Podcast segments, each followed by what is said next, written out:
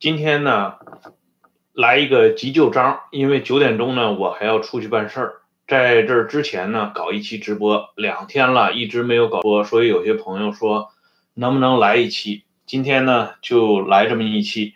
而且今天的这个话题呢，也是在国内的，嗯，九月二十六号的早晨，大家呢在推特上说到的一个事情，就是由这个张学良、吴三桂想到的事情。这样呢，我就来讲一期。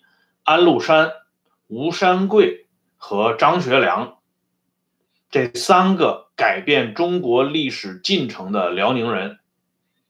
首先呢，我要强调一点，我本人非常反对啊，一直以来在网上网下呃流行的那种地域黑。这种地域黑呢，给这种整个的事情呢。变得更为庸俗，就是说，事实上我们都知道，每个地方它都有好人，每个地方它也都有坏人。但是呢，搞地域黑的人呢，就把这个差异呢，就人为的就给抹杀了。所以呢，今天咱们这个节目实际上也是对地域黑的一种反讽。先做一个说明，现在呢，我们来讲一下这个安禄山。我给大家呢看一下这本书。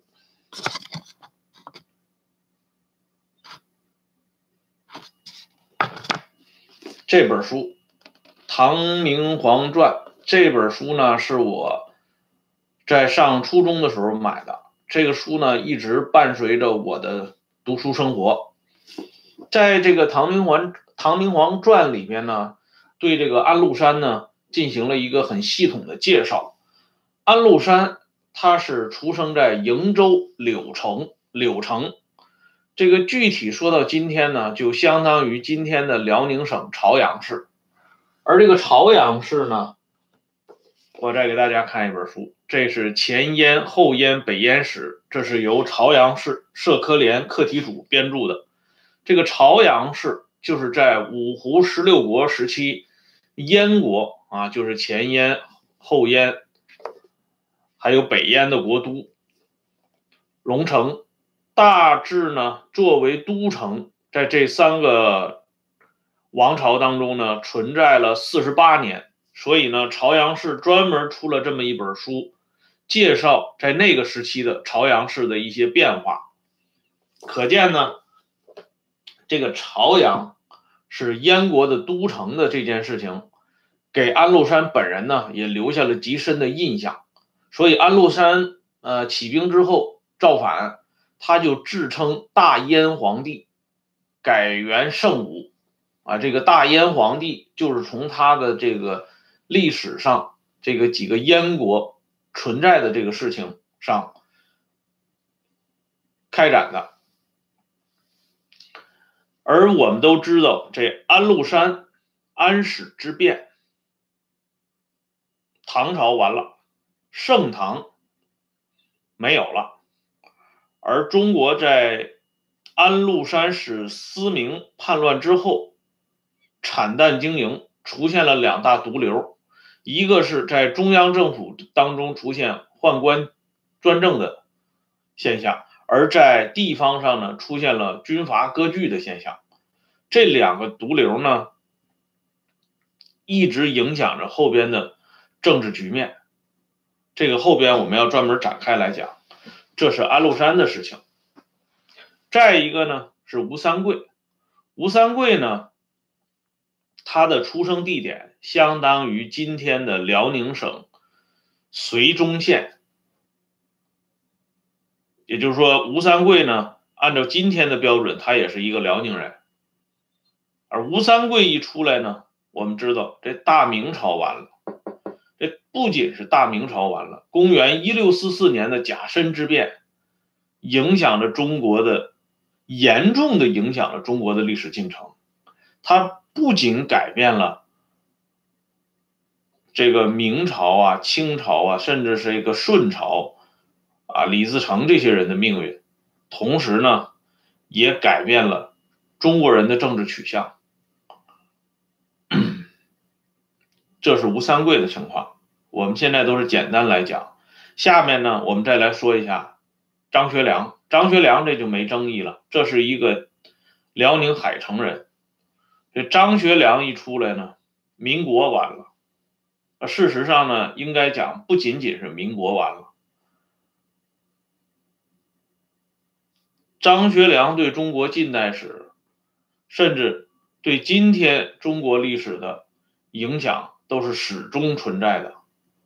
这个人到底是千古功臣还是千古罪人，争议一直是蛮大的。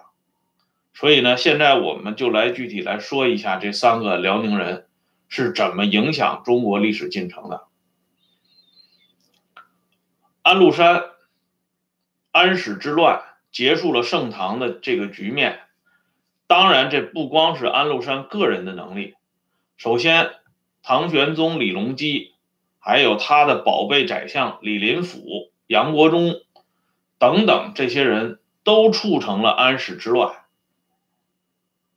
但是呢，这个安史之乱一旦发生以后，整个的唐朝的局面。为之一变不说，包括稍后的很多重大的政治事件也由安史之乱而衍生。最重要的就是这个宦官专政。宦官在中国历史上出现专政的局面并不奇怪，在唐朝以前有东汉，东汉历史上非常有名的四次。啊，政变都与宦官息息相关，但是呢，东汉的宦官呢，他是完全依附在皇权身上，皇帝有事儿了才找宦官。你像这个汉灵帝、汉桓帝，虽然把这个十常侍捧得很高，可是十常侍呢，也仅仅是皇帝手下办事的奴才而已。但是唐朝的这个宦官专政就不同了。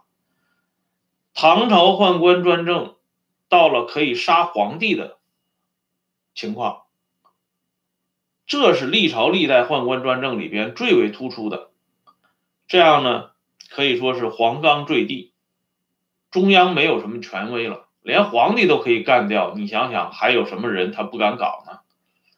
而下边呢是军阀割据，这个军阀割据影响就更深了。它一直影响到唐朝灭亡以后的五代十国，梁、唐、晋、汉、周。这个局面呢，到了赵匡胤发动陈桥兵变，费了好大的力气，矫枉过正，才把这个事情呢局部的扭转过来。而赵宋王朝呢，有害于这种这个军阀割据，又对武人呢，对武将采取了一边倒的歧视政策。这样呢，赵宋王朝的守内虚外，导致北方少数民族频繁南下。虽然澶渊之盟呢，呃，保证了一百多年的和平共处，可是，在西边崛起的西夏和稍后取代辽国的女真人，都对中原王朝构成了巨大的威胁。特别是这个石敬瑭献出燕云十六州以后。这北方的屏障基本上是不存在了，所以赵宋王朝虽然取得了灿烂的文化成就，可是，在政治上始终处于被动挨打的这个情局面。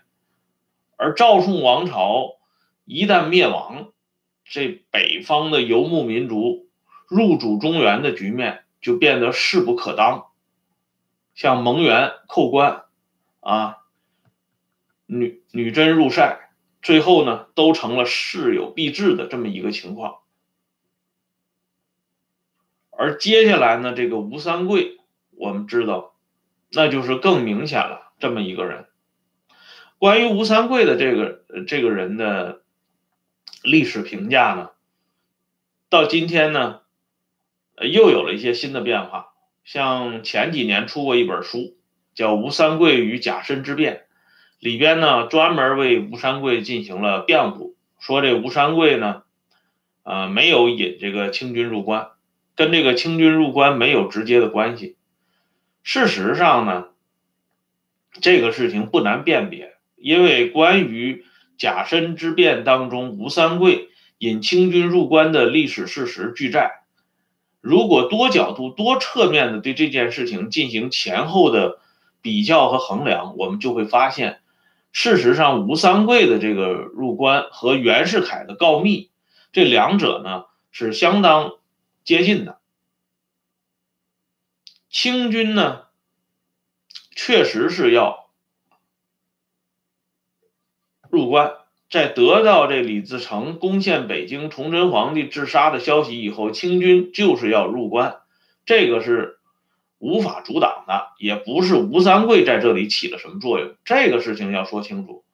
但是吴三桂献官这个问题呢，有两个非常值得重视的地方，一个呢，首先是让清军在政治上赢得了完全的主动，这个实际上是最关键的。第二个呢，是在路径上，啊，让清军呢走了捷径。第二点呢，这个地理呢，只是说是一个辅助性的作用。第一个是最重要的，因为清军在这之前呢，他被明朝的人、被中原人视作东鲁，啊，他是在东边嘛，所以称他是鲁啊，东鲁是异族。清军的四次。啊，入塞给明朝啊，乃至给中原老百姓造成了无穷的灾难，留下了极为恶劣的印象，以至以至于多尔衮再次要入关的时候，洪承畴他们都从侧面提出来，不能妄杀无辜，这实际上就是提醒多尔衮，你们不要重蹈覆辙。而吴三桂呢，这个求起清军。呃，帮助他来剿灭李自成，这样呢，就让清军这次本来的入侵堂而皇之的改成了借师助剿，清军呢成了一个帮助别人做好事儿的这么一个好人了。所以呢，这些在北京等候着秦王大军的这些人呢，一旦看到了辫子兵进城。很快自己就坡下驴，给清朝人下了跪，给清朝人称了臣啊！他们这个心里的这个坎儿呢，一下子就迈过去了。为什么呢？因为我们急于报君父之仇啊，报这个崇祯皇帝上吊自杀的这个仇恨，我们就要请来外边的军队帮我们来平定这个事态。呃，赶走了刘贼以后呢，这外边的这个主子呢，既然已经进来了。啊，就不好再请人家出去了。我们就是呢，就拜倒在他们的这个脚下，这个心里的门槛一下子就迈过去了。而后呢，清朝入关以后的几任皇帝都抓住这件事情不放，比如说乾隆就公开宣称，历朝历代德国之政未如本朝，就说你们历朝历代拿天下名正言顺，都赶不过我大清。因为我大清是你们汉人、你们中原人把我们请来的，我们本来是不想来的，我们是给你们的皇帝报仇雪恨来的。啊，雍正皇帝的那个《大义觉迷录》里边，也是在强调华夷之变的时候，也是把这件事情提了出来。所以吴三桂的这个引清军入关呢，他是在政治上起了一个很大的恶劣的作用。更主要的是，这个清军入关之后，对中国政治进程的改变。我们都知道，这明朝后期呢，呃，这个资本主义萌芽已经开始有点产生了。而且呢，单纯就一些技术含量的东西，比如说顾城在他的那个《南明史》里边写的很清楚，啊，郑成功收复之所以能够收复台湾，主要是郑成功船上的这些火器跟荷兰人。已经相差无几，所以呢，两军交锋的时候，郑成功部队呢，在军事器械方面不输于荷兰人，这就说明呢，当时中国的现有的科学技术含量还是可以的，至少没有像后来跟西方差距那么大。可是清朝人进关以后，他认为这个红衣大炮帮了他他们很大的忙。所以这个武器呢，要秘而不宣，要藏藏之于深宫当中。因此呢，他的这对这方面武器的改造改进工作始终是荒废了。到了道光年间，因为中英之间发生战争以后，道光皇帝在偶然之间才得知他们还储存了大量的这方面的这个资源，但是呢，这些资源都浪费掉了。而这仅仅是从这个气的角度来讲，如果从法和道的角度来讲，那落后就不仅仅是这么一点点了。鲁迅说：“清朝三百年，杀尽了汉人的骨气。”这句话，我认为是定评。一条辫子，害死了多少无辜的中国人的生命？而清军呢，入关之初，不仅是这个发辫的问题啊，他搞的圈地，在这个南方沿海。搞的封禁，让整个这个国家逐渐陷入到一种封闭落后的状态，片板不得下海。到后来呢，对这个传教士又进一步的进行封杀，然后呢，在国内大搞其文字狱，文字狱的猖狂时期居然长达一百多年，甚至被清朝人啊，或者是被后代人称之为盛世的。康乾两位皇帝，康熙、乾隆，在他们的任上搞的那个文字狱，都是相当惊人的，可以说是空前的啊。当自然没有绝后啊。而且康熙朝虽然文字狱的数量赶不上雍正和乾隆两朝，可是它起了一个非常恶劣的典范作用，就是代名式的南山集案。这个案子是彻头彻尾的冤案，包括最后。最爱搞文字狱的乾隆皇帝都承认戴名士这个案子确实太冤了，所以你看，牵扯到戴名士案子里的方苞这个人，在康熙、雍正、乾隆朝得到了无比的重用，那官官职呢一直做到二品，带了红顶子了的。清朝的对中国的影响之深。我们就先说到这里，接下来呢，我们来看看这张学良。在讲张学良之前呢，我给大家看一本王岐生的书啊，《党员党权与党争》这本书呢写的很有意思，在这本书的第三百六十一页里边，王岐生呢有这么一个观点，他说国民党仿照俄共实行一党。专政，而在其实际运作中，其组织散漫性，又更像西方议会政党。国民党是一个弱势独裁政党。国民党并非不想独裁，而是独裁之心有余，独裁之力不足。王岐生的这个论断呢，说实话，他这里呢也是充满了难言之隐，因为毕竟是在国内公开出版的书。他不可能公开欲扬国民党政权，那否则的话必然是犯了大忌。不要说这书出不来，这人也麻烦了。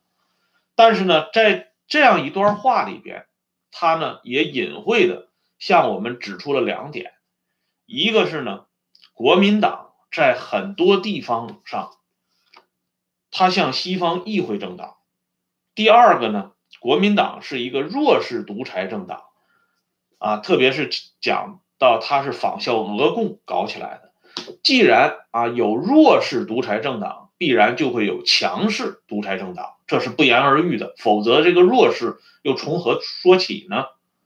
而这个国民党散漫性向西方议会政党，实际上就等于告诉我们，这国民党呢，他所实行的这个所谓的弱势独裁，就是我们常常说到的。开明专制，这开明专制，它有两条路可以走，一条呢可能就彻底的掉入到这个强势独裁的泥坑里了，还有一种呢这开明专制引导的好就逐渐接受了现代民主政治的影响最终呢走上了正轨。实际上我们后来看台湾这个局面蒋经国呢有的朋友说周末直播临时改到这里了。蒋经国后来开放党禁开放暴禁这就是一个最典型的例子。而且呢，我还给大家举一个例子，就是在国民党在大陆统治时期曾经搞过一个喧嚣一时的行宪国大，这件事情呢，对中国现代民主政治呢，起到过相当大的影响。这个行宪国大呢，就要搞这个国大代表，国大代表呢，就类似于咱们今天的人大代表。国民大会代表嘛，代表民意的，但是在选举这国大代表的时候呢，大家产生了一个极大的争议。这个争议呢，就是说，国民政府系列下的现任行政官员或者是党务官员，能不能当国大代表？这件事情呢，在会场上引起了诸多的争议。陈诚作为当时已经声名鹊起的实际上的蒋介石的接班人，他派他的亲信叶青，也就是原来的共产党这边的任卓轩啊，派叶青出面来做弹压，就是把这个大家的这个呼声压下去，就是行政官员和党务官员是可以做国大代表的，你们不要再起刺儿了。结果这叶青上去呢。他忌惮这个会场的这种强烈的呼声，强烈的反对行政和党务官员兼任人那个国大代表，所以呢，他临时不得不改口。结果气的陈诚呢，等叶青一讲完话以后，陈诚就在后台直接追问叶青：“你怎么突然改口了？”这叶青呢，当时脸涨得通红，但是呢，还有点这种啊强撑着的。这个劲头对他的这个恩主陈诚说呢，呃，我为什么不能改口呢？哎，这个镜头，说实话，让当事人呢一下子这个捕捉到了，就是说，在那种情况下，叶青实际上是有前科的，他是共产党的叛徒，他受恩于、受之于陈诚，陈诚一手把他提拔上来的。最后，叶青做过国民党中央宣传部部长，都是因为陈诚的原因。可是，当陈诚啊，这是恩师啊，恩相啊，对他发出这种质问的时候，叶青居然还敢嘴硬，还敢顶两句嘴，而且呢，顶了嘴以后，居然没什么严重的后果。更主要的是，蒋介石最后不得不亲自出场。蒋介石出场说什么呢？蒋介石出场。啊，谢谢这位朋友打赏。蒋介石出场说了这么一番话，讲呢说，国大代表怎么就不能从行政官员和党务官员中产生呢？就是那个意思，你干嘛？你们干嘛这么矫情呢？可是就在蒋说出这番话的时候。场内突然出现一声非常响亮的嘘声，就是讽刺蒋介石的嘘声。蒋当时是勃然大怒，啊，大声向场内质询：“谁发出的嘘声？敢不敢站出来？”这发出嘘声的人是谁呢？就是倪弼。这个倪弼呢？大家可能不是特别清楚，但是提到四一二政变，大家应该知道，四一二清党的前夕，有一次重要的动作，就是在江西呢，蒋介石的嫡系部队第一军杀掉了江西省总工会的负责人，中共江西省总工会的负责人陈占贤，而杀掉陈占贤的动议呢，就来自于蒋介石当时的亲信啊，担任这个。国民革命军党代表的倪弼，啊，倪弼那个时候是蒋介石的铁杆亲信，在四一二清党前后呢，他紧紧的追随蒋介石。可是，在行宪国大的现场讨论国大代表要不要从行政官员和党务官员中产生的时候，倪弼居然向蒋介石，向他昔日的老主子发出了一声响亮的嘘声。这样呢，我可以说。咱们也可以看到，啊，这个国民党的弱势独裁到了一个什么样的程度？而我们都熟知的一个对联儿啊，就是“独裁无胆，民主无量”，这是专门写给蒋介石的。蒋看到这个对联以后，相当生气。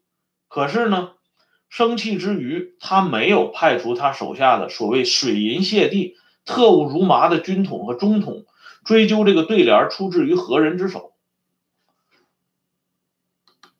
国大代表是否从党务官员和行政官员中产生？这个话题放在今天的中国，事实上已经是。不存在任何争议了，也没有人敢争议，对不对？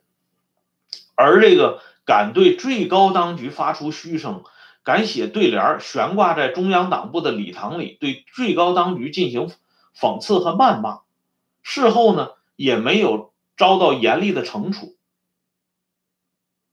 神奇吧？我们都知道有一个著名的文人啊，也是民。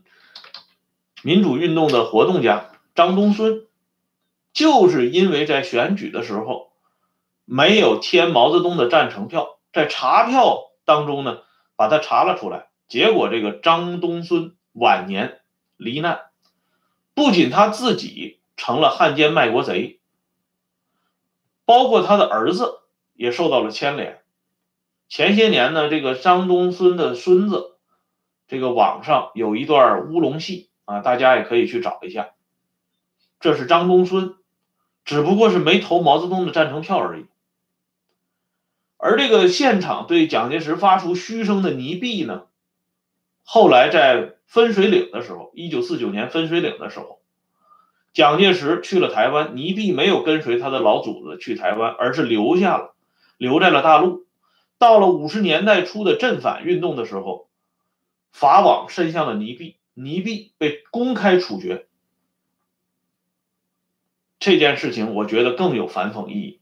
我举了这么几个例子的意义在哪里呢？就是告诉大家，这个散漫性类似于西方民主政党的国民党，他不是到了台湾以后忽然就想到要开放党禁、报禁，要实行和平土改，要稳步过渡，要承接美国人送过来的西方民主的衣钵。他不是那天突然就想到了，不是突然有了蒋经国这个人，国民党就发展到了后来的情况，而是他在大陆统治的时期就已经露出了这方面的端倪。啊，王岐生的这个书里边向我们讲述的就已经很清楚了。所以呢，我们从这里就可以看到，张学良。对于中国历史进程的改变，到底是起到了一个什么样的作用？虽然呢，历史不容假设，可是我们看到的事实是，在日本人入侵中国之前，中国的民族经济呢，正在逐渐走出困厄，一点一点呢在爬坡。如果没有外来的强烈的打击和剧烈的内讧，这个国家很有可能呢，就在民主转型这个问题上，不至于纠缠那么长时间，不至于付出那么惨重的代价，最后又走回了循环路。至少呢，可以减少很多无辜生命的丧失，这个是无可辩驳的。但是呢，由于日本人的突然介入，由于张学良执行的不抵抗政策。当然，更主要的是后来的双十二政变，我愿意把它叫成政变。事实上就是政变，政治格局的大改变。张学良一生做的三件大事：枪杀杨雨婷、常荫槐。我在公众号上最近正在写杨雨婷的这个事情，大家也可以看了。枪杀杨长，再一个呢是引日本人入关，最后一个。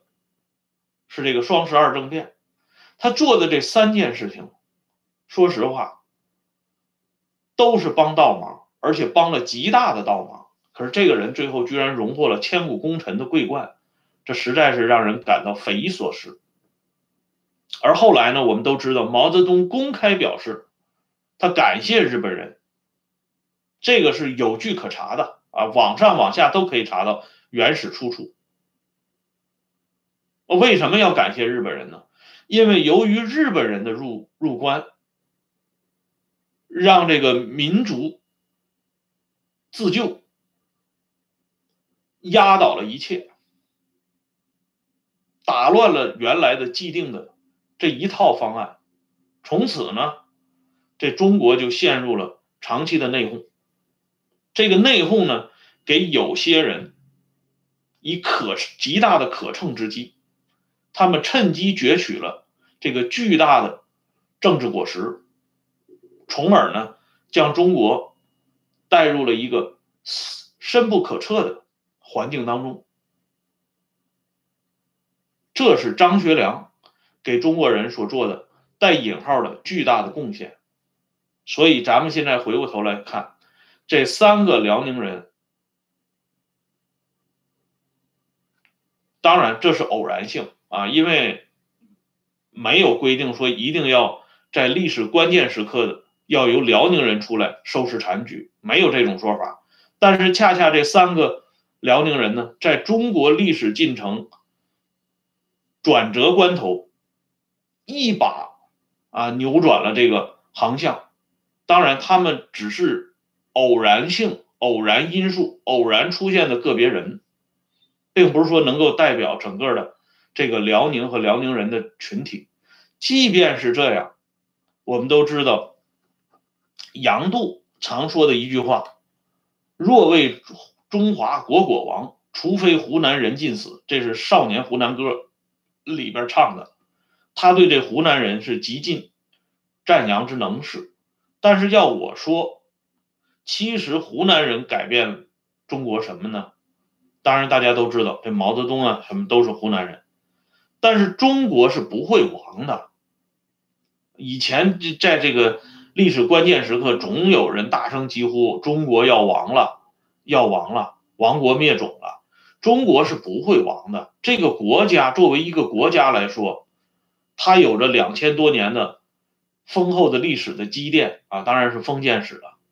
它是不会亡的，中国人也不会被灭绝的，这是铁打的事实，没法改变的。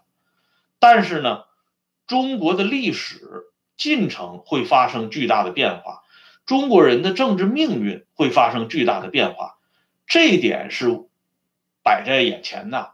这三个辽宁人改变的是这么一件事情，所以从这个意义上讲，辽宁人其实比湖南人厉害的多，比广东人也厉害。